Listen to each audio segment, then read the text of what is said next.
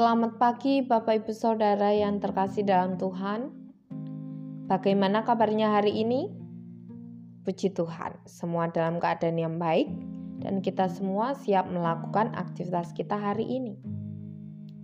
Mari bersama sebelum memulai kegiatan kita, kita bersyukur kepada Tuhan dan kita juga mau merenungkan firman Tuhan bersama.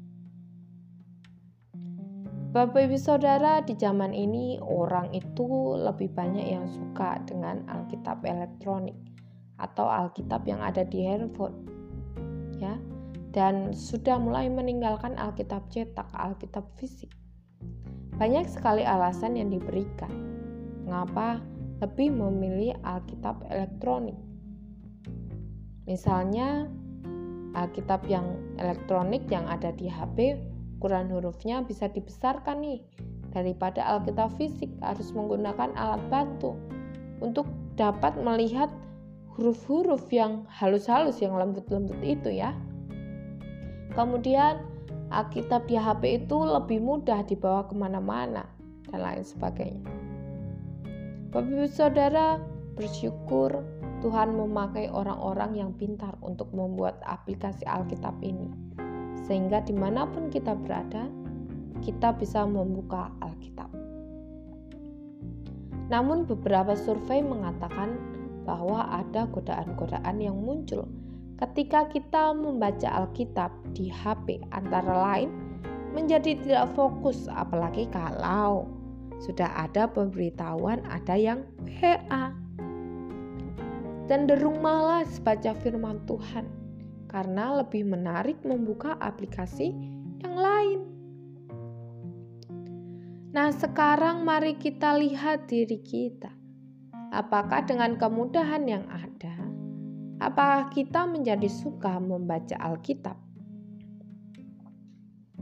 Mazmur 1 ayat 1 sampai 3 berkata, Berbahagialah orang yang tidak berjalan menurut nasihat orang fasik, yang tidak berdiri di jalan orang berdosa, dan yang tidak duduk dalam kumpulan pencemooh, tetapi yang kesukaannya ialah Taurat Tuhan, dan yang merenungkan Taurat itu siang dan malam, ya seperti pohon yang ditanam di tepi aliran air, yang menghasilkan buahnya pada musimnya, dan yang tidak layu daunnya, apa saja yang diperbuatnya berhasil. Mazmur satu ini termasuk Mazmur hikmat karena Mazmur ini berisikan nasihat-nasihat bagi pembacanya. Nah, di sini kita juga bisa melihat apa sih untungnya membaca firman Tuhan. Yang pertama, hidup menjadi berkat. Ia seperti pohon yang ditanam di tepi aliran air yang menghasilkan buahnya pada musimnya dan yang tidak layu daunnya. Dalam bagian ini Diumpamakan orang yang menyukai firman Tuhan itu seperti pohon yang ditanam di tepi aliran air, dan pohon tersebut akan tumbuh subur dan berbuah. Apa maksudnya? Orang yang menyukai firman Tuhan bukanlah seperti pohon yang tumbuh liar, namun ia adalah seperti pohon yang ditanam. Berarti pohon tersebut memang memiliki tujuan untuk sengaja ditanam, dan ditanamnya pun bukan di sembarang tempat, melainkan dekat dengan sumber air, dengan tujuan agar dapat bertumbuh dengan baik dan menghasilkan buah. Jika kita lihat pohon yang seperti ini, kira-kira kita senang enggak Bapak Ibu Saudara? Kita senang ya, karena pohon ini dapat menjadi berkat bagi orang lain, buahnya dapat dinikmati.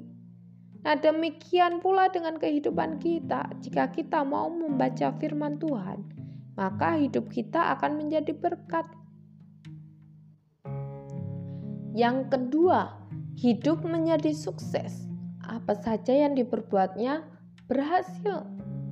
Nah, pada ayat ini kita bisa melihat bahwa ada janji daripada Allah janji Tuhan yang diberikan kepada setiap kita saat kita mau menyukai firman Tuhan, yaitu hidup menjadi sukses, berhasil.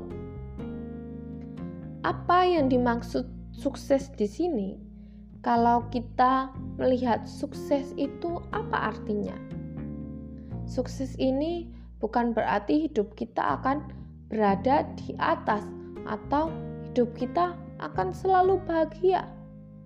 Namun yang dimaksud sukses di sini adalah bukan hidup yang selalu bahagia ataupun hidup yang tidak pernah gagal, tidak pernah mengalami permasalahan. Dalam hidup kita pasti ada yang namanya masalah, ada kegagalan. Itu pasti kita alami. Tapi jika kita menyukai firman Tuhan, maka kita akan dapat melewati masa sulit yang ada itu.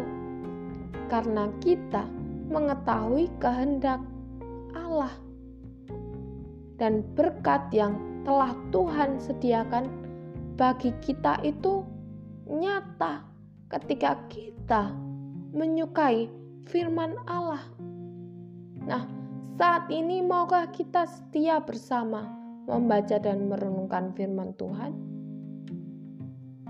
Mari cek lagi di dalam diri kita. Maukah kita setia kepadanya melalui membaca merenungkan firman Tuhan? Amin.